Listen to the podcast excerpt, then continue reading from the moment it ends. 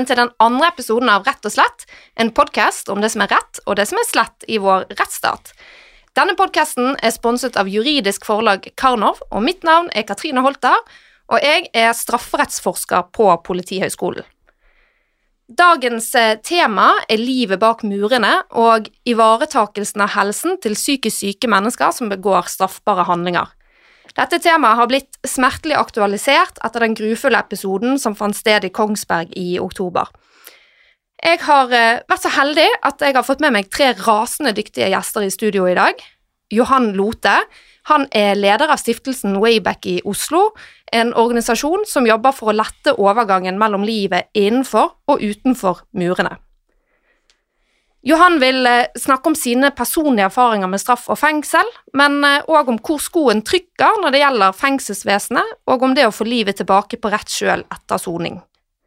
Mine to andre gjester ble tidligere i høst tildelt den gjeve rettssikkerhetsprisen for sitt arbeid med å ivareta innsattes rettssikkerhet. Innsatte i norske fengsler er en gruppe mennesker som ikke så mange bryr seg om. Randi Rosenquist og Maria Hessen Jacobsen er hederlige unntak. De er med oss i dag for å snakke om det arbeidet som de har gjort som dannet grunnlag for rettssikkerhetsprisen, Rettspsykiater Randi Rosenquist har i en årrekke jobbet med alvorlig psykisk syke i fengsler. Hun har òg hatt en viktig og tydelig stemme i samfunnsdebatten, der hun har satt rettspsykiatri på dagsorden. Elden-advokat Maria Hessen Jacobsen har kjempet for frihetsberøvedes rettigheter. Hun har flere ganger saksøkt staten for å krenke menneskerettighetene. I 2019 så vant Maria frem i Høyesterett i en sak om bruk av omfattende isolasjon, Høyesterett satte da foten ned for isolasjon i mer enn 22 timer i døgnet. I 2020 vant Maria så igjen frem, denne gangen i lagmannsretten, med en sak om nakenvisitasjoner i fengsler. Staten ble da dømt for grove brudd på forbudet mot nedverdigende behandling i menneskerettighetene. Maria er her for å snakke om disse sakene, om sitt engasjement for bedre soningsforhold, og om hvordan man går frem når man saksøker staten for menneskerettighetsbrudd. Velkommen hit i studio, alle tre. Takk. Takk. Tusen takk. Um, Johan Lote, vi begynner med deg. Vil uh, du starte litt med å Kan du si litt om dine personlige erfaringer med rettsvesenet? Hvordan endte du opp i fengsel? Jeg endte først og fremst opp i fengsel pga. omfattende rusmisbruk. Eh, det startet i ung alder med mye misbruk av diverse rusmidler. Eh, og det førte jo frem til at jeg fikk veldig mange overnattinger på glattcelle. Eh, opplevde det eh, som ganske krenkende i forhold til det å være avhengig av noe, og også manglende helsehjelp på, på glattcelle, da. Eh, det som førte frem til min første dom, det var en, et langt opphold på glattcelle som var, varte i fem dager, faktisk, eh, hvor jeg da skulle møte i retten og si noe om hvor godt egnet jeg var til å gå ut i arbeidslivet. Da hadde jeg vært fem døgn eh, uten dusj på glattcelle og litt sånn godt ubarbert, som jeg prøvde å, å ordne opp med, med en engangshøvel og sto da i, i, retten, hvor jeg da ble dømt til Eller fikk en varetekts uh, først. Uh, og da ble da kjørt uh, videre opp til fengselet.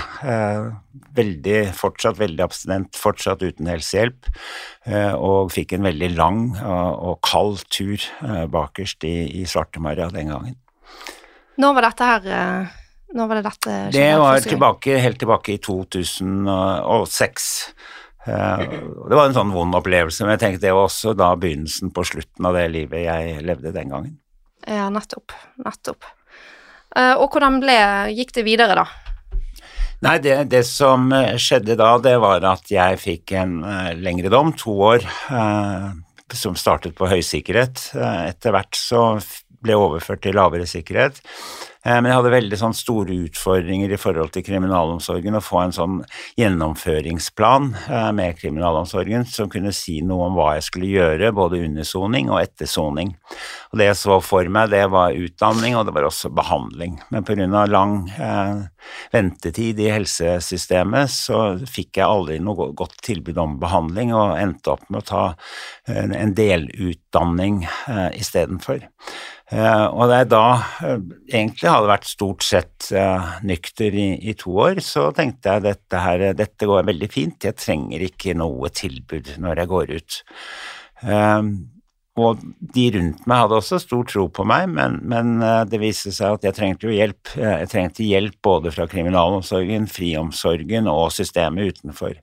Hva var det som var vanskelig da med den overgangen? Nei, Det vanskeligste med overgangen det var å stå alene eh, og ikke forstå det at eh, jeg hadde vært to år under soning hvor jeg hadde egentlig omsorgspersoner rundt meg. Eh, I ettertid kan man kanskje si noe om hvor stor var den omsorgen, men ensomheten etter løslatelsen var det som var det tyngste. Og også mangel på hjelp fra den kommunen jeg bodde i. De var ikke interessert verken under soning eller etter soning. Så da ble jeg stående alene, og det endte opp med at jeg begynte å ruse meg ganske fort etter løslatelsen. Ja, for hvor mye på en måte um, kom du tilbake igjen til av det du hadde før du gikk inn i fengsel, eller var på en måte allerede ting blitt vanskelig før du kom inn, sånn at det ikke var så mye å komme tilbake igjen til? Nei, jeg hadde ikke noe å komme tilbake til, eh, og det var kanskje det som eh, var det en av de største utfordringene, for det var ikke godt nok planlagt, det å ha noe å gå tilbake til. Eh, og det var også sånn fravær av nettverk og, og tilholdssted og noe, noe, rundt meg, da.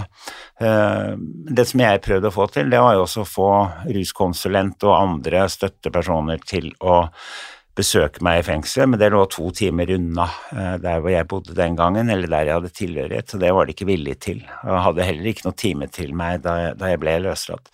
Så har man jo et eget ansvar for å prøve å få orden på eget liv, men det hjelper godt også å ha noen rundt seg, da. Ja, nettopp. Um, det som du forteller om her, uh, det høres ut som en, noe vi har hørt om uh, at flere kan slite med. Uh, Maria. Er dette noe som eh, du har sett noe til? Du har jo også jobbet i Wayback.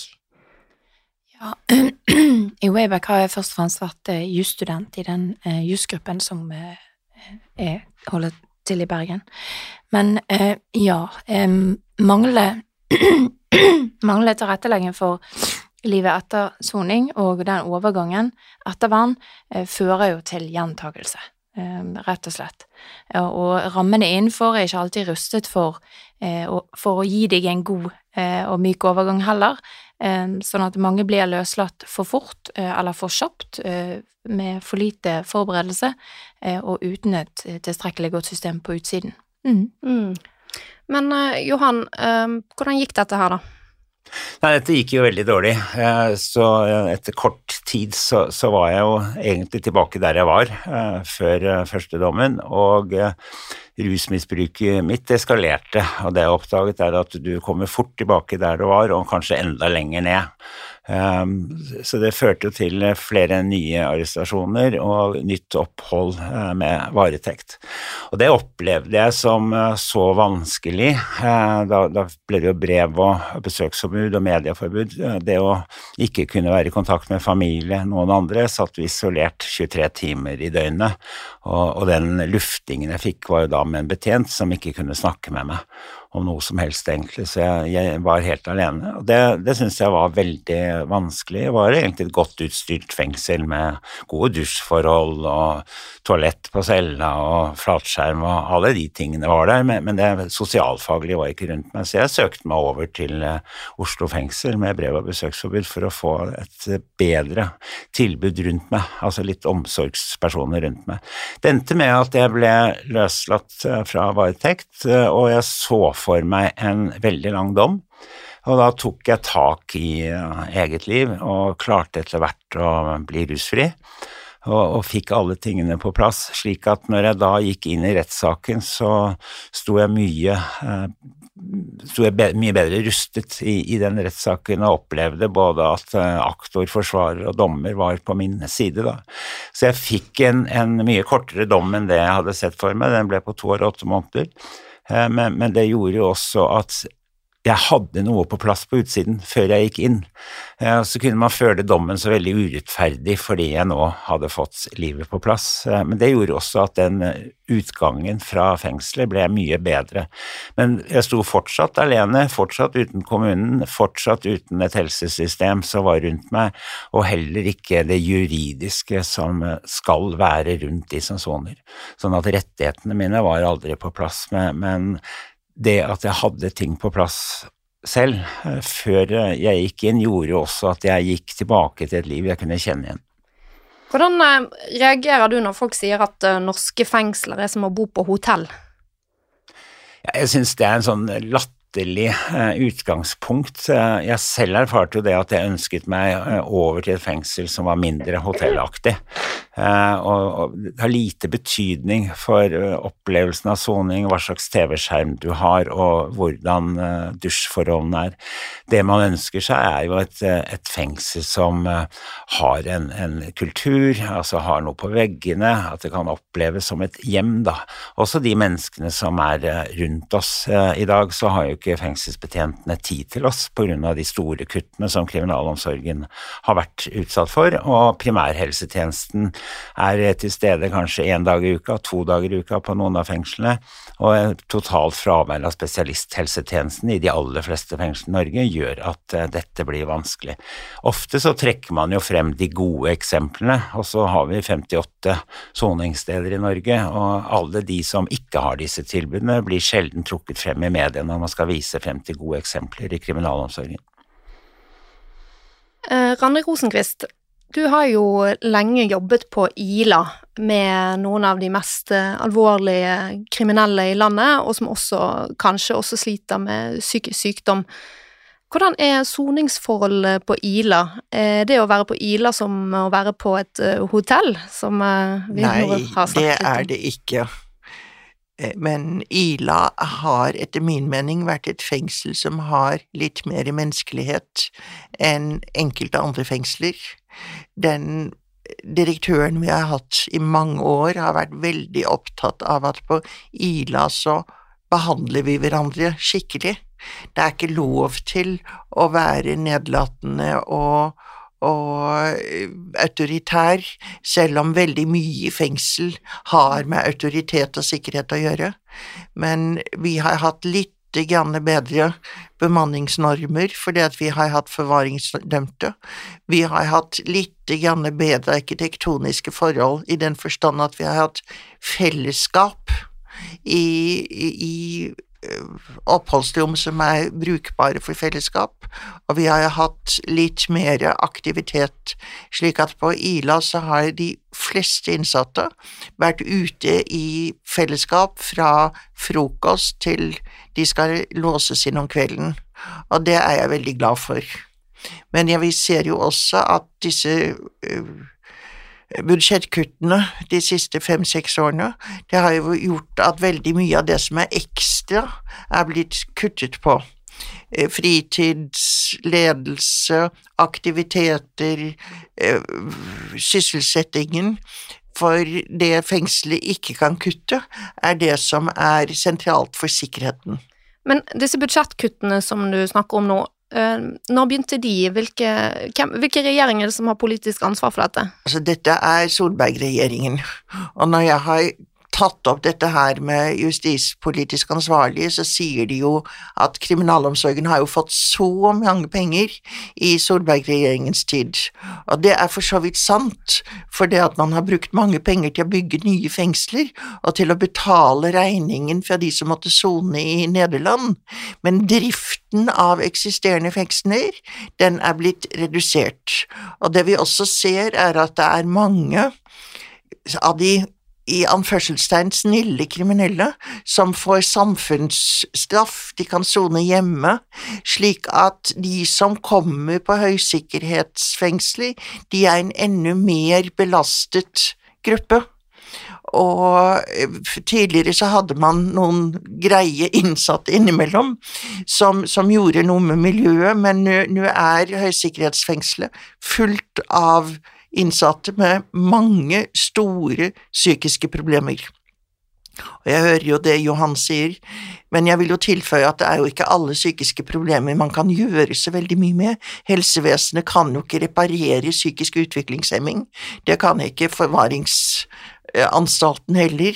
Det er, det er andre ting som det ikke no, finnes noe god behandling for, men det jeg har vært mest opptatt av, er at det er jo innsatte som har lidelser som kan behandles og så får de ikke den behandlingen.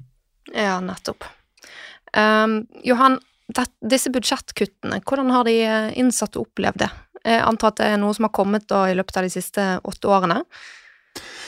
Det har kommet eh, gradvis, og man har jo merket det mer og mer. Og det er jo først og fremst bemanningen det har gått utover. Eh, vi har jo en kontaktbetjentordning i Norge. Vi har en, et av verdens beste utdanningssystemer. Eh, betjentene i dag sitter jo igjen kun med sikkerhetsansvaret og det sosialfaglige mulighetene de har for å følge opp de innsatte med. Den muligheten er ikke der lenger. Og det er som Rande sier, de skal først og fremst ivareta sikkerheten. Vi ser jo også det er omfattende kutt i programtilbud tilbudene eh, i fengselet. Og det er mange steder så ser vi at det er frivilligheten som må overta eh, programvirksomheten. Og vi mener jo og ønsker at det skal være det offentliges ansvar, og ikke frivilligheten som skal drive eh, disse programvirksomhetene. Hvis, hvis, jeg får skyte inn program, er det jeg kaller kurs. For kriminalomsorgen har hatt forskjellige kurs for innsatte som kan gå på rusmestring, gå på å kvalifisere seg bedre for å leve i samliv med andre, aggresjonsmestring, eh, de får ulike problemområdene som folk sitter innenfor, de kan man da gå på litt korte kurs, eller til dels veldig omfattende kurs. Det er noen, noen kurs som går over et år, men der igjen kapasiteten blir lavere og lavere, og det er slett ikke alle fengslene som har disse kursene lenger. Maria, er dette noe som eh, du òg kjenner igjen, og vet du noe om hvordan de ansatte i fengselet opplever dette? Eh, ja, dette kjenner jeg absolutt igjen. Eh, jeg synes også det er fint at det stadig løftes, og en av de gruppene som er tydeligst på å løfte, det er jo nettopp de ansatte. De ansatte sine fagforbund og en del enkeltansatte har løftet det gjentatte ganger, både internt gjennom varslinger internt i kriminalomsorgen, men også eksternt gjennom mediene, og de har vært svært tydelige på at de nå har gått over til um, alvorlige eh, sikkerhetsutfordringer for både innsatte og ansatte, helseutfordringer for begge gruppene, eh, at de er helt nedskrapt til beinet eh, av alle kuttene, og at de ikke lenger kan drive ordentlig rehabilitering eller omsorg. Det er mer oppbevaring. Eh, de er også til dels kalt det eh, mishandling. Mm. Kan du si litt mer om dette med helse? Hva som er utfordringen der? Ja, um, der er jo um, innsatte populasjonen er jo en annen populasjon enn eh, utenfor, som Rosenkvist allerede har vært innom, som har en ganske eh, høyere behov for eh, helsehjelp og spesialisthelsetjeneste enn oss utenfor. Samtidig har de den samme retten eh, i utgangspunktet juridisk innenfor, men oppfyllelsen er skorter det på. alt tar tid, det tar fryktelig lang tid å vente på helsehjelp, eh, det tar lang tid å få endringer i hjelpen. Eh, alt treneres veldig, og det tilbudet som gis er for dårlig. Og så er det ikke tilpasninger eh, nok, og det er jo de fengselsbetjentene tydelige på. De er ikke helsepersonell. De er ikke, der, eh, de er ikke egnet for å eh, tilpasse omgivelsene sånn som enkelte innsatte grupper trenger. Det at vi har en lang rekke med mennesker med kognitive utfordringer, som har problemer med å tilpasse seg progresjonssystemet på en god måte, eh, de trenger egne tilpasninger. Det er gjerne ikke typisk helsetilbudet, men så har du de alvorlig psykisk syke, som trenger et helt annet tilbud enn det de får på i dag, og en del av de burde jo selvfølgelig aldri heller vært i fengsel. Mm. Mm. Dette her kjenner jeg igjen. Jeg har jo tidligere jobbet litt som forsvarer, og eh, den gangen så eh, hadde jeg eh, klienter i fengsel som jeg opplevde som var altfor syke til å være der. Og den kampen som man måtte kjempe som advokat for å prøve å få de over i psykiatrien, og få psykiatrien til å ville ta imot de, det var eh, ikke helt enkelt. Eh, og det som man ble tilbudt, er jo typisk eh, et par timer kanskje én time annenhver uke til å snakke med psykiater Og da kan jeg spørre deg, Grandi, er det tilstrekkelig for en som er superpsykotisk og slår ned personalet og Ikke på noe vis. Men jeg vil først kommentere litt på det Maria sa, at det varierer nok litt på hvor lenge man må vente på allmennhelsetjeneste, og jeg har snakket med noen i fengselshelsetjenesten som sier at de får jo bedre helsehjelp inne enn ute, og det er for så vidt sant for noen. Hvis du er uten fast bopel og har et rusproblem, så går du heller ikke til fastlegen din når du er ute, mens du da faktisk kan få eh, helsehjelp når du er i fengsel. Men disse alvorlige psykotiske menneskene, de får jo i altfor liten grad eh, spesialisthelsetjeneste. De må da først gå til helse, primærhelsetjenesten i fengselet, og så må de henvises til den psykiatriske tjenesten, og det er jo ventetid ofte. Er det jo, sånn er det jo for befolkningen for øvrig også. Men hvis de blir lagt inn i psykiatrisk sykehus, og jeg sier hvis, så kommer de veldig raskt tilbake, og det er dette som jeg har vært helt fortvilt og frustrert over. For, eh, for psykiatrisk eh, sykehus, psykiatriske avdelinger, har jo så lite kapasitet, og i dag er gjennomsnitts liggetid i psykiatrien 18 døgn. Og når man vet at noen av de som er på sikkerhetsavdelinger, har vært der i tre og fire år, så skjønner man at det er veldig mange som har to og tre dagers innleggelse. Og jeg tenker at dette skjer fordi at ansvarlig overlege må skaffe ledige senger til de som kommer til å bli innlagt til til helgen, og hvis de da kan skrive ut en til fengsel, hvor man tross alt får en seng, man får mat, man får tilsyn, så velger de det fremfor en som de skulle skrive ut for eksempel til hospits, eller en gammel og meget ulykkelig mor. Slik at jeg er ikke så veldig sint på disse overlegene som skriver ut pasientene så raskt, men jeg er forferdelig sint og skuffet og fortvilet over at helsemyndighetene ikke ser at vi ikke kan ha det sånn. Det, jeg tror ikke at helsemyndighetene skjønner at det er noen som er så syke at man ikke kan si du får ta deg sammen, du burde jo ha tenkt på dette før du kom i fengsel. Du, dette her er folk som har høy grad av lidelse. Og det at man skal ta, at et sivilisert samfunn skal ta vare på folk som ikke er, evner et autonomt liv, det syns jeg er en grunnleggende etisk forpliktelse, men det virker på meg som om de som styrer med psykiatrihelsetjenesten, mener at det å være innlagt i psykiatrien er et så stort overgrep at det må man gjøre så kortvarig som mulig. Ja, og du har jo også de siste ukene vært eh, tydelig i media etter denne grufulle hendelsen i Kongsberg om at du mener at eh, tvangshjemlene for å holde på folk i psykiatrien, eh, de er ikke gode nok. Vil du utdype litt hva du mener med det? Jeg må si at de juridiske hjemlene syns jeg ikke er gode nok, men vi kunne kanskje leve med disse hjemlene dersom vi hadde hatt kapasitet og kompetanse nok.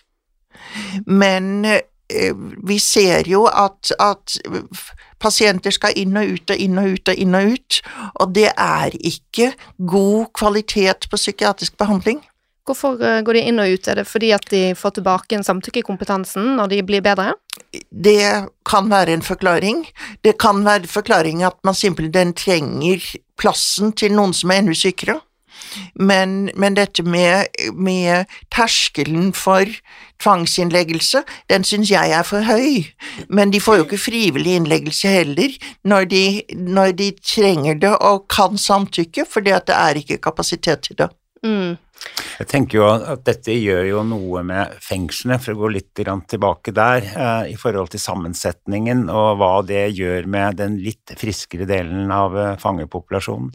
Det å være vitne til at medfanger mm. sliter psykisk, det gjør noe med eh, de andre mm. innsatte som opplever at med selvskading, selvmordsforsøk osv., og, og at de da blir kjørt på psykiatrisk og blir kasteballer i systemet og de er tilbake da to-tre dager senere. Jeg forstår at, eh, at det er tryggere å, å, sende de tilbake til fengsel, men samtidig så, så, så blir fengselet på en måte utnyttet i dette systemet, for de blir da sendt tilbake til noen som ikke har den kompetansen. Eh, I et vanlig fengsel så er det kriminalomsorgen, det er fengselsbetjentene som ser de innsatte daglig. De har ikke verken utdanning eller muligheter eller tid, kompetanse til å ta seg av denne delen av mm. fangepopulasjonen. Mm. Men det virker min, for min del som at uh, samtidig som man da har uh, drevet med budsjettkutt og i kriminalomsorgen, så har også psykiatrien blitt bygget ned, at det er blitt færre og færre sengeplasser. Ja. Og jeg har tenkt at det kanskje er der problemet ligger, at det rett og slett er vanskelig å komme til å få den nødvendige ja. helsehjelpen som man tross alt har krav på etter norsk lov. I, I, forhold til populasjonen i Norge så har vi nå en tredjedel av de sengene i psykiatrien som vi hadde i 1990, og det er en ekstrem reduksjon, og vi har ikke fått mindre psykiske lidelser. Nei, ikke sant. Jeg tenker kanskje da at hvis eh, helse og justis hadde et bedre samarbeid Vi opplever jo denne silofunksjonen, eh, at eh, alt går bare ned i egne departementer, direktorater og, og tjenester, men, men, dette samarbeidet som vi etterlyser, det fungerer ikke. Hadde de kunnet sette seg ned sammen og prate om felles utfordringer og lage en felles plan for hvordan man skal løse dette her, så hadde det vært mye enklere. Og jeg vil jo tilføye når alvorlig psykisk syke, atferdsforstyrrede innsatte bråker i fengsel og plager de andre. Det eneste et fengsel kan gjøre, er å ta dem ut av avdelingen og plassere dem på enerom. Det er isolasjon, og det hadde vært ulovlig behandling av dem hvis de hadde vært i psykiatrien. Og folk blir jo dårligere av å sitte isolert. Men um, denne praksisen som dere beskriver, altså nå har vi snakket om budsjettkutt og nedbygging av psykiatri og kriminalomsorg, men hvordan var dette her, eh, Randi, hvis vi går uh, tilbake en 15 år? Ja, jeg har jo holdt på med dette feltet i forferdelig mange år, og jeg ser jo at disse problemene kommer tilbake hele tiden og vi har hatt utredninger for hvordan skal vi ta bedre vare på psykisk utviklingshemmede innsatte, og det er lagt i skuffen, og vi har, hatt utredninger om de, de, mer psykopatiske innsatte, de psykotiske. Jeg, jeg var med på en eh, aksjon på 90-tallet hvor vi prøvde å få folk fra fengsel inn i psykiatrien, og det hjalp lite grann, men så var det slutt på den offentlige interessen. Og altså, når det kommer i avisen, så kan det bli en sånn politisk handlingsvilje en kort periode, men så, så går det ned igjen. Og, og, og, mens lidelsen i fengsel går opp. Men dette her har vært en, en lang, lang historie. Men jeg tror det er mange nordmenn som liker å smykke seg med tanken om at vi har verdens beste eh, fengselsvesen, og vi kan liksom sove godt om natten fordi vi vet at eh, når vi sender innsatte i fengsel, så har de gode forhold. Har vi det, Randi? Den innsatte populasjonen er et veldig plaget populasjon. Og jeg skulle jo ønske at de hadde en veldig mye bedre omsorg og mulighet til rehabilitering. Men det er klart at vi har lite tortur i fengsler. Vi, vi tillater ikke at innsatte slåss seg imellom. Vi har nokså god kontroll slik at det ikke er gjenger som dominerer. Det kan vel skje, men, men ah, sånne ting som man ser fra amerikanske filmer om fengselsliv, det har vi ikke. Men når man ser på populasjonen, hvor mye plager og besvær de er, og som, som jeg også er opptatt av, hvor, hvor lite de er blitt tatt vare på i barndom og oppvekst ofte. Det er, noen som har hatt helt utmerket bakgrunnsforhold som allikevel blir kriminelle, men mange av disse som sitter i fengsel, har jo hatt tap fra de gikk i barnehagen. Og jeg skulle ønske vi hadde mer fokus på rehabiliteringen, enn, men nå har vi bare råd til å ha fokus på sikkerheten. Ja, Johan, har du en kommentar til dette? Ja, jeg, jeg tenker jo det at vi, vi, liker å sammenligne oss med andre land, og da sammenligne oss på de områdene hvor vi er gode. Jeg tenker først og fremst i vårt velferdssystem så må vi sammenligne oss med oss selv.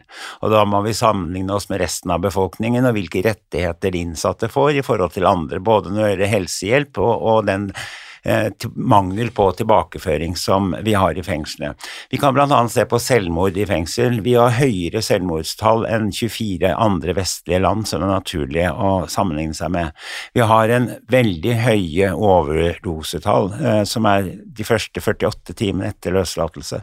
Disse tallene er da mye høyere enn andre land vi kan sammenligne oss med. Og det vi opplever veldig ofte, det er at vi har en altså Mange klager på bygningsmassen, at den ikke er egnet for soning, men sammenligner man seg med andre land, så har vi en del fengsler som har bedre bygningsmasse.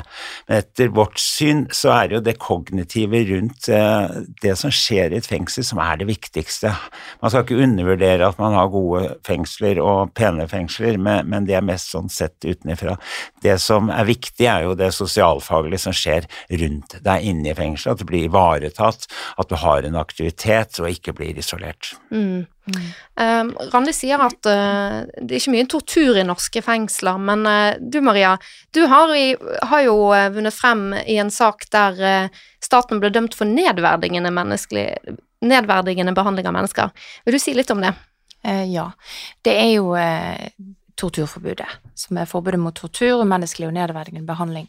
Den saken gjaldt den tidligere praksisen med rutinemessig nakenvisitasjon av norske innsatte, som foregikk i i alle fall 30 norske høysikkerhetsfengsler, eh, og som gjaldt hele fangepopulasjonen i de fengslene, og som gjaldt alle ganger de fikk besøk. Det ble på en måte ikke gjort noe, og det er det som karakteriserer det. Det ble ikke gjort noen konkrete vurderinger rundt hvilken innsatt, eller hvilken innsatt gruppe, eller hvilket kjønn, eller hvilken, hvilke besøk du får. Det ble rutinemessig nakenvisitert, det vil si full avkledning, alle klær, og så sitte ned på huk i veldig mange fengsler og også i Ringerike fengsel, sitte nedover et speil.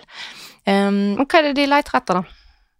Det er eh, ulovlige gjenstander, eh, uønskede gjenstander, narkotika og våpen, eh, og det er jo på en måte langt på vei legitimt eh, å tenke at eh, det er enig i også det premisset at der er narkotika i fengsel, det er uønsket, det kommer seg inn blant annet ved eh, innsmugling, men det middelet vi har brukt for å oppnå det formålet, er altfor inngripende til at det kan legitimeres. Ja. Hvor omfattende har det vært den praksisen, da? Eh, det har jeg forsøkt å finne ut i snart halvannen til to år. Eh, det vet jeg fortsatt ikke, fordi at jeg har ikke um, Kriminalomsorgen har ikke journalført det. Sånn at vi må på en måte ta utgangspunkt i La oss si Oslo fengsel, de hadde et volum på 15 000 besøkende i løpet av et år. Så har de også nakenvisitert i alle fall én gang per per besøk, så da har du 15 000 bare der på ett år. og så har du de andre fengslene i tillegg. Men mener du nå å si at uh, man driver altså med svært inngripende eh, handlinger mot innsatte uten at man skriver det ned, uten at det finnes skriftlig dokumentasjon rundt det? Det er nok dette med at ikke det blir skrevet ned, altså manglende notoritet, er jo en av de tingene vi har fått veldig mye kritikk for av eh, blant annet eh, torturkomiteen, og også Sivilombudsmannen har eh, fremhevet dette i den særskilte meldingen til Stortinget. At, har det hjulpet noe, da? Eh, ja, eh, langt på vei så har kriminalomsorgen blitt flinkere på å skrive ned og føre statistikk over isolasjon. Selv om vi har et langt stykke igjen å gå der, så har de blitt flinkere til å fatte vedtak og til å føre ned i journal det som skjer. Eh, og i dag så har de jo selvfølgelig i juli i fjor så falt denne dommen i Gulating lagmannsrett. Innen september så kom det endringer eh, som gjorde at alle nakenvisitasjoner i dag eh, utføres først og fremst på konkret mistanke, men blir også eh, Begrunnelsen ble nedtegnet. Hva var det denne dommen fra Gulating gikk ut på, mer konkret? Ja, det var én innsatt som eh, Var dette din klient? Dette var min klient, um, så vi skulle i en ordinær straffesak uansett, og så uh, oppdaget vi underveis at han var blitt regelmessig nakenvisitert i forbindelse med alle advokatbesøk. Når vi gravet videre, så fant vi ut at det skjedde ved alle besøk. Av advokat? Alle besøk av advokat. Så hver gang en advokat kommer, så blir den innsatte nakenvisitert? Før og etter besøk av advokat. Hva er formålet med det, stoler man ikke på at advokatene oppfører seg? Det gikk ut en melding fra KDI i mai 2018 til alle fengslene om at man ikke måtte gjøre unntak for um, advokatbesøk eller legebesøk eller psykologbesøk eller noen yrkesgrupper. Men det vi oppdaget var jo Vi ble forferdet over at han ble nakenvisitert i forbindelse med advokatbesøk, men så oppdaget vi volumet. Um, og det var slående at det også skjedde før og etter alle besøk, altså besøk av egne barn, ved fremstillinger, hver gang du skal i rettssaken din om morgenen og ettermiddagen, og gjerne også da når advokaten kommer innom på ettermiddagen, så har du Og der har du gjerne fire nakenvisitasjoner på én dag, um, og at dette skjedde med alle innsatte. Det uten sammenheng med noe mistanke uh, eller hva de var dømt for. Det finnes jo store grupper med innsatte som aldri har tatt i narkotika, og som aldri kunne tenkes å ville gjøre det, og som fengselet vet ikke har et narkotikaproblem. Men de ble også regelmessig nakenvisitert. Um, og det rene volumet var slående, og det Gulating lagmannsrett sa at det er nok først og fremst en mangel på, på mistankebegrunnet, um, altså på en, en, legitimering av formålet med det eh, i hvert enkelt tilfelle, som, og, og volumet det. Han var blitt nakenvisitert mer enn 200 ganger på halvannet år, eh, og ga en veldig eh, gripende beskrivelse av hvordan det føles i retten, eh, og det Gulleting lagmannsrett slo fast, at dette er menneskerettskrenkende. Og staten innrettet seg.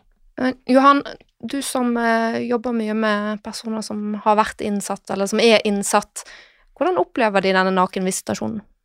Først vil jeg si at vi er veldig glade for at Maria har tatt eh, denne saken og fått eh, dette belyst.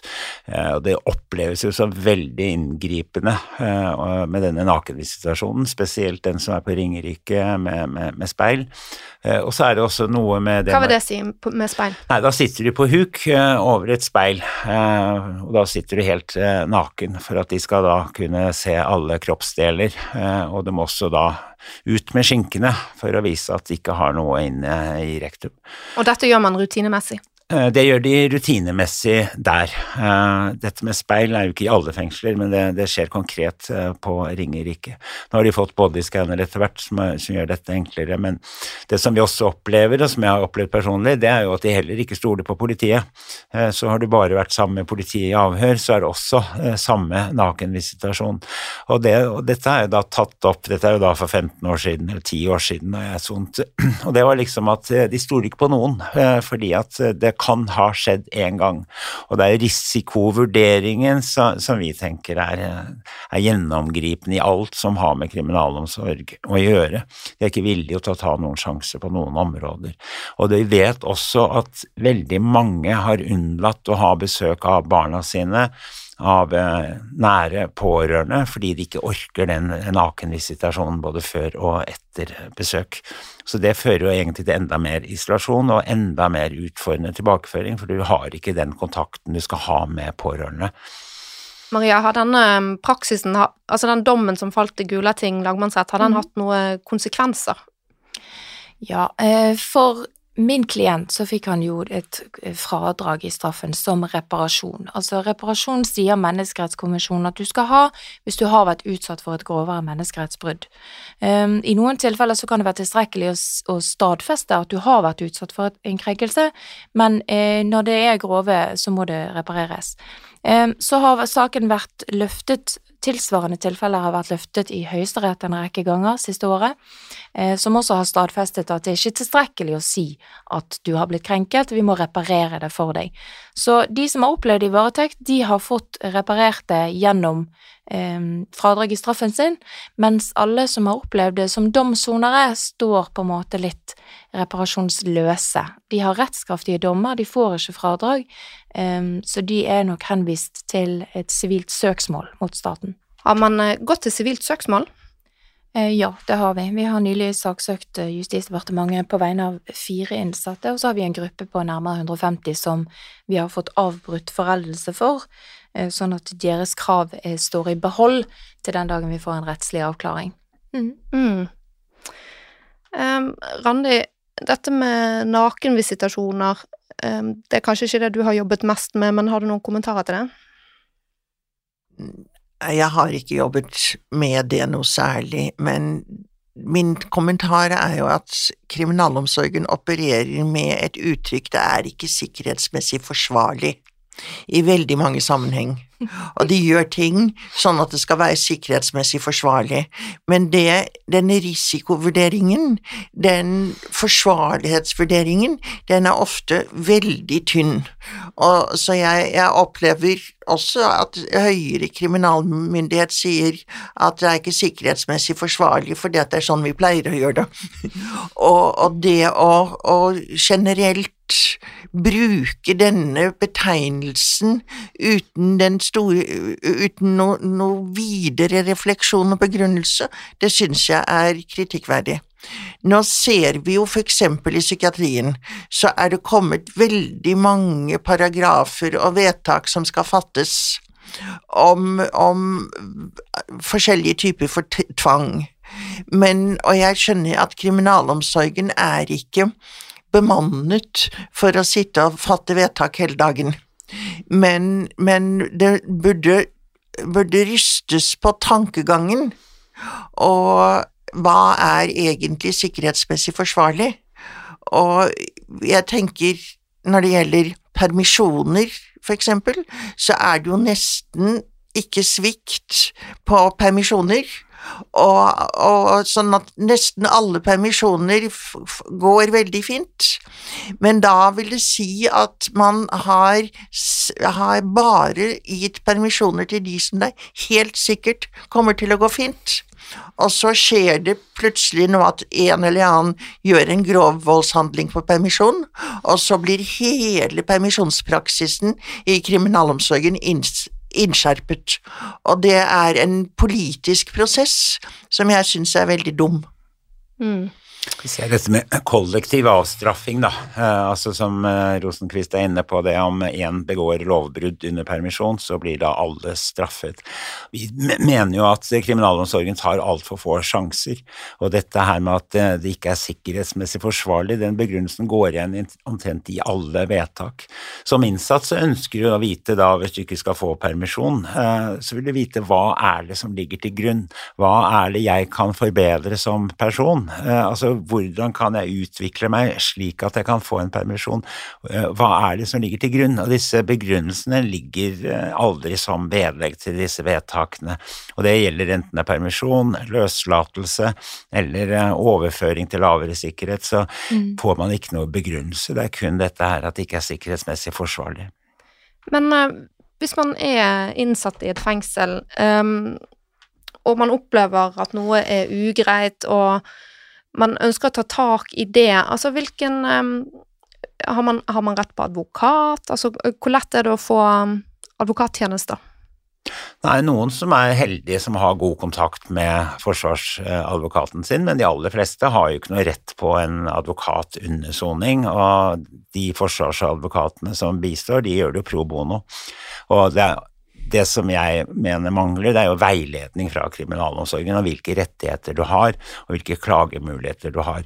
Men hvis du da søker om en permisjon, eh, kanskje tre måneder før permisjonen, og så får du avslag to uker eller én uke før mm. permisjonen skal gjennomføres, og så vet du at det tar i hvert fall tre uker eh, å, å behandle en klage, og av og til så går det mye lenger. Så det er jo ikke noe vits i å klage, og det er sånn mange opplever at det er, det er ikke vits i. Og vi opplever jo også at de leddene som er over, eh, de følger da det vedtaket som er gjort først. Det er veldig få vedtak som blir omgjort.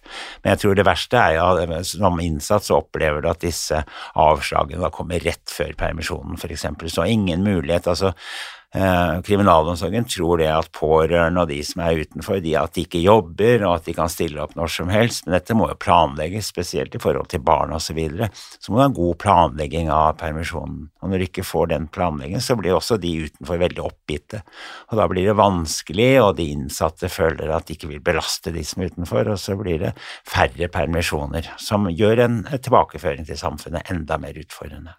Jeg er helt enig med det som Johan sier.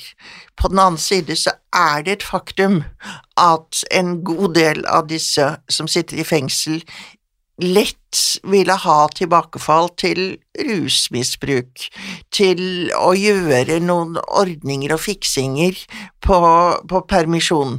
Så man må ha det jeg på psykiatrisk språk ville kalle et paranoid beredskap. Eh, kriminalomsorgen må tenke hva kan gå galt? og, og prøve å, å, redegjøre for det. Men hvis man bare, bare ha, sier at det er ikke sikkerhetsmessig forsvarlig uten å begrunne det, så, så blir det eh, så, så, kan man ikke ta det helt på alvor. Mm. Maria, eh, du har sagt mm. offentlig at eh, innen du blir pensjonist, så er ditt mål at ingen ansatte lenger skal være isolert i fengsler. Eller Innsatte. Innsatte. ja, beklager. Hvorfor er isolasjon så skadelig? Ja, eh, forskning viser jo med helt tydelighet, eh, og det, de fleste kan relatere seg at dette er fysisk og det er psykisk skadelig. Det er nyere forskning som viser at det også gir fysiske varige endringer, varige skader på, på eh, kroppen, men det er lettest å relatere seg til det hvis du tenker forskning på, på barn som har vært mye alene, eh, på eldre som sitter mye alene, eller på dyr som ikke får selskap av artsfrender. Ja, og jeg tror det, var flere som kjente på dette her under korona òg, altså at man virkelig fikk en opplevelse mm. av eh, hvordan det er å være mye isolert og alene, da. Absolutt. Mm. Mm. Uh, men uh, hvor mye blir de innsatt isolert i dag, da? Ja, eh, nå skal jeg være forsiktig med, med, fordi at jeg har ikke empirisk dekning for å si akkurat hvordan jeg står i dag. Det vi vet, er at i 2019 så sa Sivilombudet at altfor mange eh, blir isolert altfor lenge, altfor store deler av døgnet. Det er ikke bare disse som ble isolert nesten opp mot hele døgnet som eh, var alvorlig, det er også folk som blir eh, innelåst 16, 20, 21, 22 timer i døgnet uten at det er begrunnet i noe annet enn eh, forhold ved ressurs og bemanning og eh, bygning. Mm. Mm. Uh, og dette har jo du engasjert deg litt i også, Randi. Ja, ja, jeg synes at det er veldig ille, og på Ila så har vi jo hatt folk som har vært isolert i mange år. Mm. Og vi har hatt innsatte vi har innsatte stadig som er isolert fordi at de er altfor syke til å sone sammen med andre mennesker. De trenger psykiatrisk behandling, og jeg har jo opplevd at å mase og mase og mase for å få inn i psykiatrien, og så kommer pasienten inn etter fem år i isolasjon i fengsel, og så får han faktisk adekvat behandling og blir bedre. Mm. Og for noen så tar det bare halvannet år å få plass i psykiatrisk avdeling.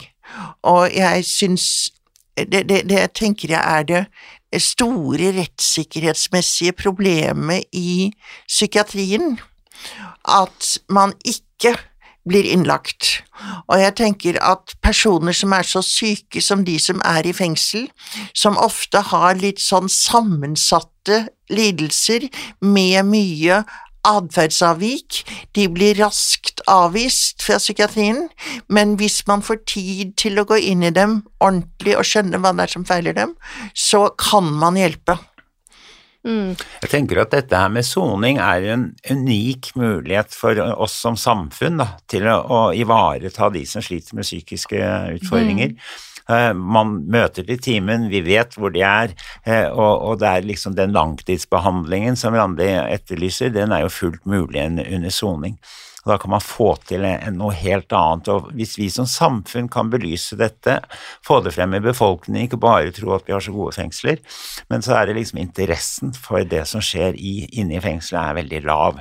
Og vi må få frem at alle skal vi ut og være en nabo til noen, eh, for å få frem og belyse eh, politisk og samfunnsmessig, så det blir, større interesse for dette temaet. Mm. Jeg har nettopp hatt kurs i fengselspsykiatri. Vi vil at de som psykologer og psykiatere og allmennleger som jobber i fengsel, skal vite mer om fengselspsykiatri og om soningsforhold, hvilke rammer deres pasienter lever under. Og jeg har jo vært da formidlet i, for to dager siden at man må bruke tiden de sitter i fengsel til å komme i posisjon. Fordi at det er mange som trenger noe som de ikke vet, og ikke skjønner at de trenger, og ikke aner hvordan man skal få til. Og, og der kan man bruke nettopp det at de sitter edru, stort sett edru da, i fengsel, at det er en fin inngangsport for å komme i relasjon. Jeg har, jeg har behandlet pasienter fra fengsel mange, mange ganger hvor et, kontakten er blitt etablert i fengsel, og det syns jeg er veldig bra. Jeg husker jeg hadde en gang en pasient som kom til time med meg selv da han var i på rømmen, og da tillot jeg meg, jeg spurte ham pent om det var greit at jeg arresterte ham, og det syntes han egentlig var greit, og så eh, fulgte jeg ham tilbake til politihuset, så det ordnet seg. Men, men jeg har jo hatt kolleger som sier ja, nei, de får komme tilbake når de slipper ut, så får vi se hvor motivert de er. Og da er det noe man har mistet forståelsen for. Dette er veldig, veldig viktig, at ikke vi bruker den tiden bedre, men tvert imot, eh, det innholdet som er i deler av kriminalomsorgen i dag, bryter ned. Det bryter ned, og det er skadelig, og det er menneskerettsstridig, eh, og det er bare et spørsmål om tid før jeg får løftet det for domstolene. Eh, Og det verste er nok, i mitt perspektiv, at lovverket ikke er egnet til å sikre mot det. Sånn at det vil skje på nytt og på nytt og på nytt, så lenge politikerne bevilger så lite som de gjør per i dag, og så lenge lovverket ikke sikrer bedre enn det gjør, så vil det skje på nytt og på nytt, og så lenge den sikkerhetstankegangen får være styrende. Um, mm. Mm. Hvordan eh, kunne loven, lovverket sikret oss bedre mot dette, da? Altså, loven sikrer jo fortsatt ikke i dag mot at den type rutinemessig nakenvisitasjon skjer på nytt.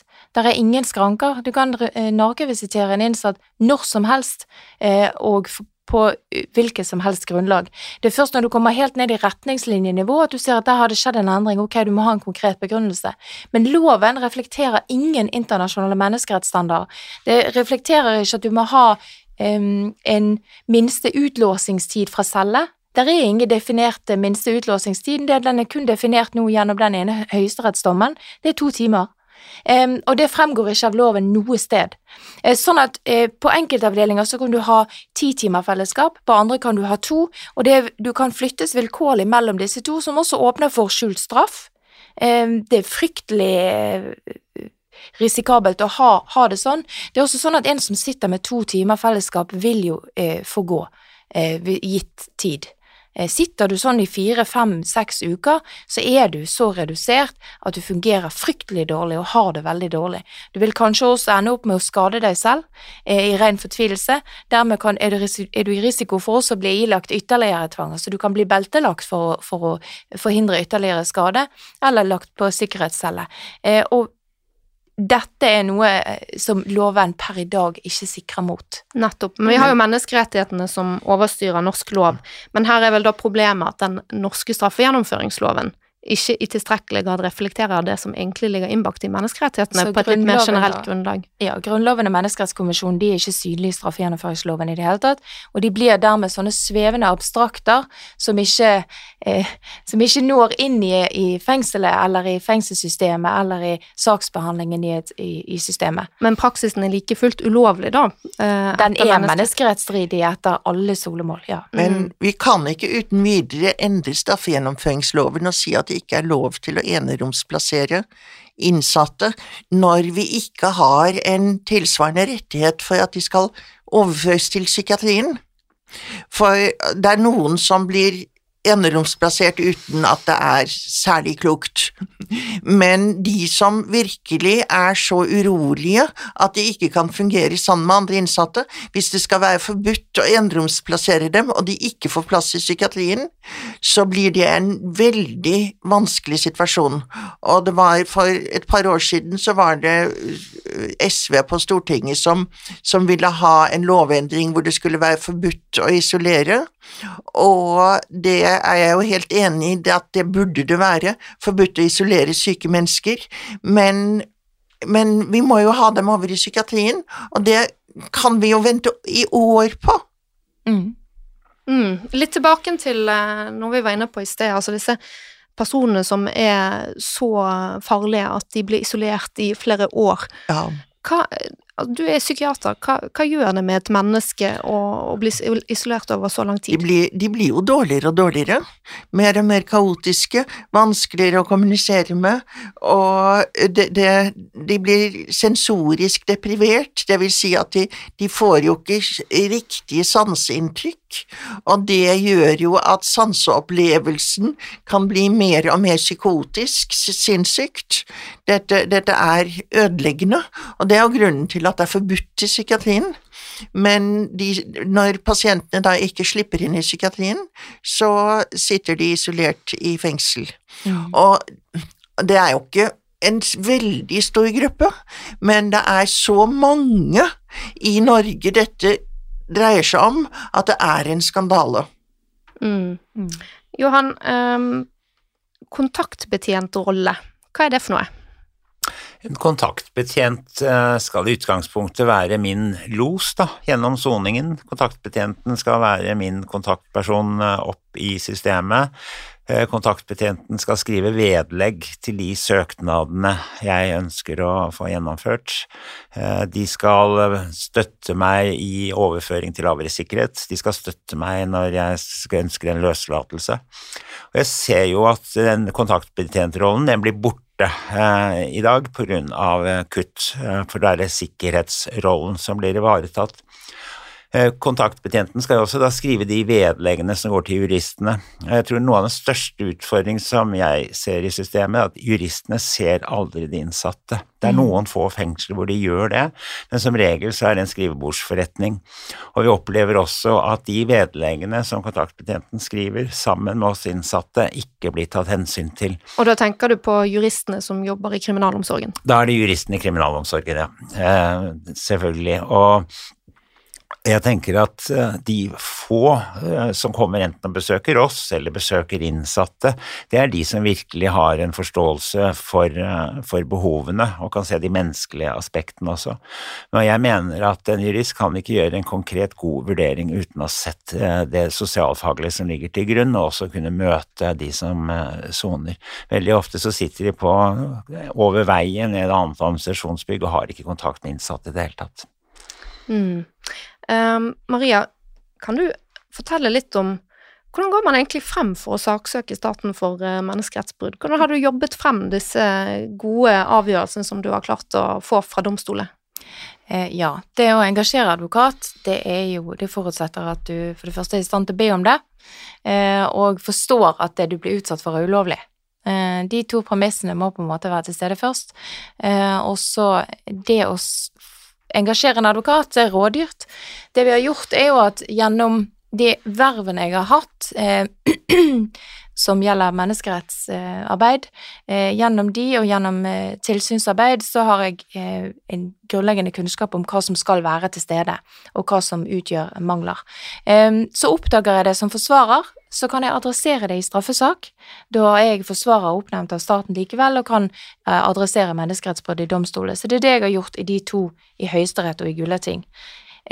Sivile saker. eh, I de sivile søksmålene så er vi prisgitt at, vi, at kriminalomsorgen utsetter ganske rike mennesker for grove brudd. Eh, da vil de eh, kunne reparere det ved å engasjere en advokat. Så det har vi eh, noen fra. Og så har vi fått innvilget fri sakførsel av statsforvalteren, fordi at den delen av staten mener det er så riktig å få en rettslig prøving av det. Og så har vi eh, Er dette noe som er kurant å få? Nei, overhodet ikke. Eh, Det er svært sjeldent at vi får fri sakførsel i det hele tatt. Men eh, det ligger også hundrevis av timer, eh, som Johan sier òg, med, med frivillig arbeid hos norske strafferettsadvokater til grunn for Det hender jo at vi, vi klager over vedtak som kriminalomsorgen har skrevet og forfattet, for klienter som vi ikke lenger er oppnevnt for. Men der vi Og da bare til lytterne, altså det at man ikke er oppnevnt for en klient, betyr at man ikke får betalt fra det offentlige i en straffesak. Ja, det er en god presisering. Ja, eh, men vi holder jo kontakten med de, sant? og de ringer til oss, og, og skjer det som skjer mot de, er det alvorlig nok, så føler vi oss forpliktet til å, til å ta tak i det også. Eh, og da hender det at jeg får innvilget fritt rettsråd av eh, statsforvalteren hvis han mener at det var viktig nok, og så hender det at de avviser under henvisning til at klienten min ikke har utnyttet den veiledningsplikten som kriminalomsorgen har, og som Johan bekrefter at de ikke er i stand til å eh, gi. Mm. Mm. Og så gangen i dette her, altså hvordan, eh, helt sånn konkret, hvordan går du frem? Begynner du med å påklage et vedtak, eller? Jeg begynner jo med å snakke med klienten min eh, og spørre, og så spør jeg gjerne fengselet skriftlig i en e-post eller et brev. Eh, stemmer dette? Eh, for eksempel dette med nakenvisitasjon. Det var jo en advokatfullmektig i det forrige firmaet jeg jobbet i, Marita Haug Haaland, som oppdaget. Eh, og så begynte vi å snakke sammen, og så oppdaget vi etter hvert eh, volumet. Vi vi begynte med et lite bilde. Han, ble, han vil ikke ha besøk av advokaten sin, sa hun, fordi at han blir nakenvisitert, og stemmer det? Eh, og sånn begynner det. Vi må oppdage det, at det skjer. Og det forutsetter at vi er i tett kontakt. Mm. Ja, og så påklager man da et vedtak. Ja, hvis det er fattet et vedtak, i veldig mange tilfeller så, så er jo det selve mangelen, men jeg kan jo klage over det òg, at ikke det er fattet et vedtak. Um, ellers så løfter jeg det rett og slett bare inn for domstolene hvis de har en straffesak, hvis det skjer mot noen som er i varetekt. Men hvis de er på soning, så er vi prisgitt å klage til kriminalomsorgen. Mm. Og løfte det til region, løfte det til direktorat, løfte det til sivilombudsmannen om nødvendig. Og så stevner du staten. Og så har jeg stevnet staten, ja. Eh, Da har jeg sendt et prosessvarsel i tidlig vår 2021, og så har vi fått et avslag der. De mener at disse nakenvisitasjonene De vil ha en omkamp på om det er en krenkelse av menneskerettskonvensjonen i det hele tatt. Og så skal vi ta også den kampen, selvfølgelig, for å få en reparasjon gjennom en oppreisning. Mm. Mm, Men det som er interessant, er at gjennom å løfte den saken, så har vi nå 150 klienter snart som sitter i eh, 30 ulike fengsler i Norge. Eh, det betyr at jeg har informanter i de aller fleste fengsler per i dag, og kan også eh, får regelmessig informasjon om andre krenkelser som skjer, andre uretter. Jeg kan også lettere se sammenhenger mellom hva som skjer i ett fengsel og i et område, i en region. Jeg vet at eh, på så måtte de kanskje spesielt strenge med disse vedtakene sine på to tredjedeler permisjon, eh, sammenlignet med andre regioner. Altså at det skal mer til å få, eller? Ja, at det skal mye mer til for å få medhold på Ullersmoen i en del andre sammenlignbare fengsler. Det vi oppdaget nylig, var at Bjørgvin fengsel av sikkerhet utenfor Bergen de bruker en ulovlig eh, mobilavtale til å gjennomgå e-poster og, og sånt fra innsatte som kommer tilbake fra permisjon, eh, og vi oppdager en rekke og, og, og er i stand til å løfte problemstillinger med ganske raskere eh, tempo og større volum enn det vi har gjort tidligere. Hva er det som er ulovlig der, da? Kan du utdype litt? Med mobilavtalen. Mm. Em, de har eh, innsatte som skal på permisjon eller på jobb utenfor fengselet, eh, kan bruke sin egen telefon som de leverer inn i vakten når de kommer inn igjen i fengselet. Da må de levere fra seg PIN-koden sin, eh, og så må eh, de samtykke til at fengselet kan gjennomgå den. Fengselet har ikke anledning til det på lav sikkerhet uten å gi en konkret ris sikkerhetsrisikovurdering. Det er ikke sikkert den hadde vært så veldig god, men den er i hvert fall fraværende, for dette er en eh, avtale som alle må signere. I avtalen så står det en henvisning til hjemmel eh, kriminalomsorgen har til å gjennomgå gjenstander du har med deg inn i fengselet, til å kikke på disse. Men det er jo til å snu og vri på mobilen og se på den på utsiden, ikke til å gjennomgå privat korrespondanse på innsiden. Og de har også nedlagt forbud mot å ha enkelte apper, sånn som Tinder. Det får du ikke ha. Ok, um, nettopp. Og er dette noe som dere eh, forfølger videre? Absolutt. Ja. Jeg har lyst til å tilføye her da, det, det som er en utfordring, jeg tenker også for Maria som jobber som advokat, det, det er jo at reglene er så forskjellige i norsk kriminalomsorg. Eh, hvert, eh, hver fengselsleder eh, bestemmer både over eh, to tredjedels løslatelse og andre rutiner i fengslene.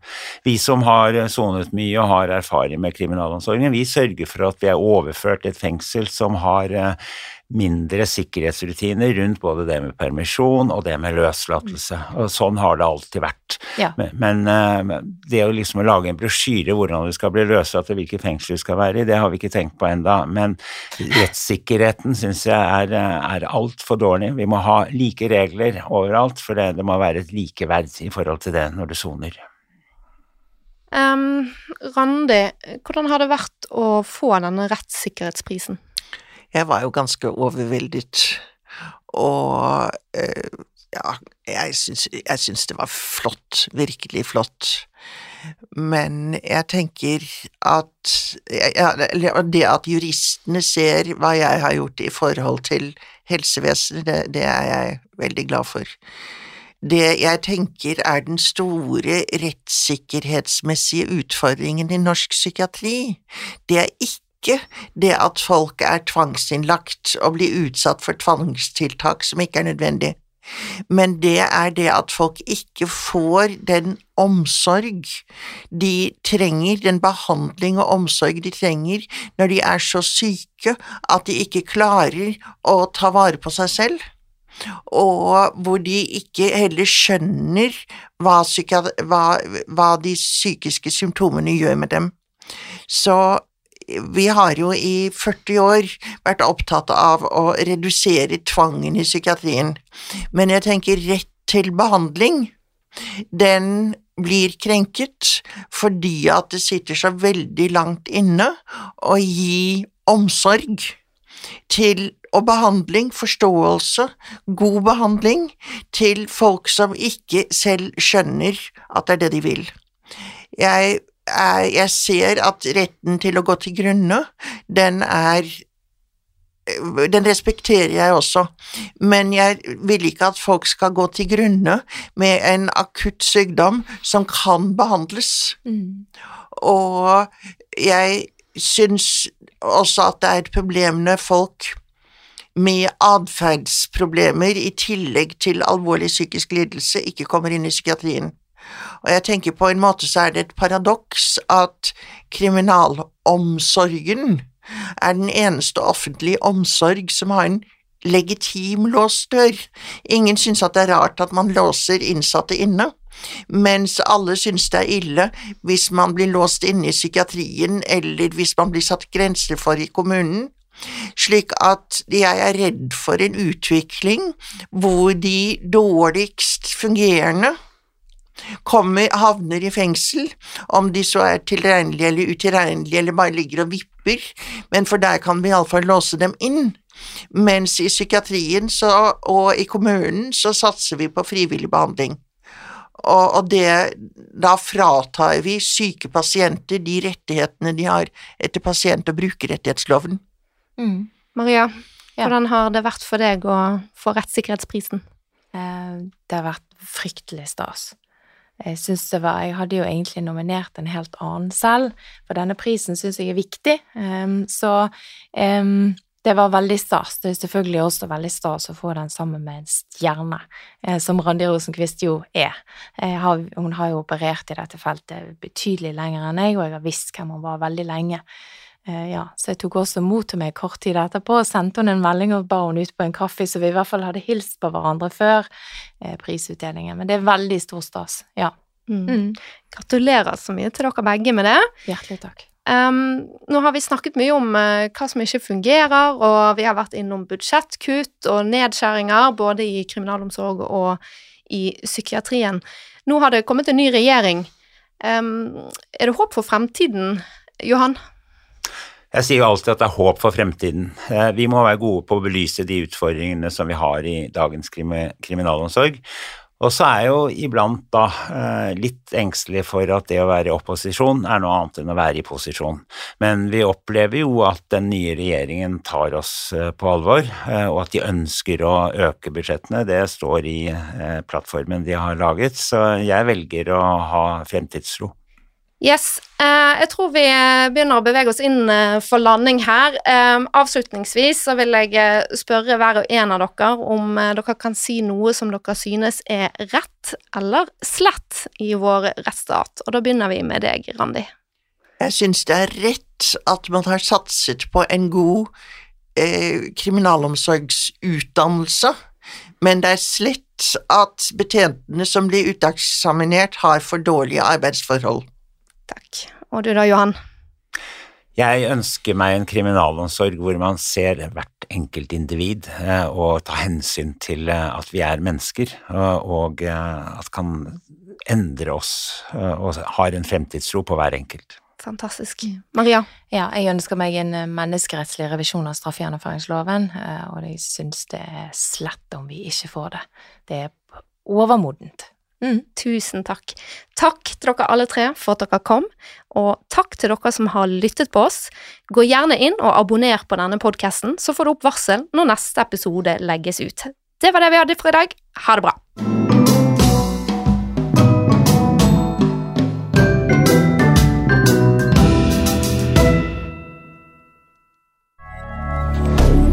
Moderne media.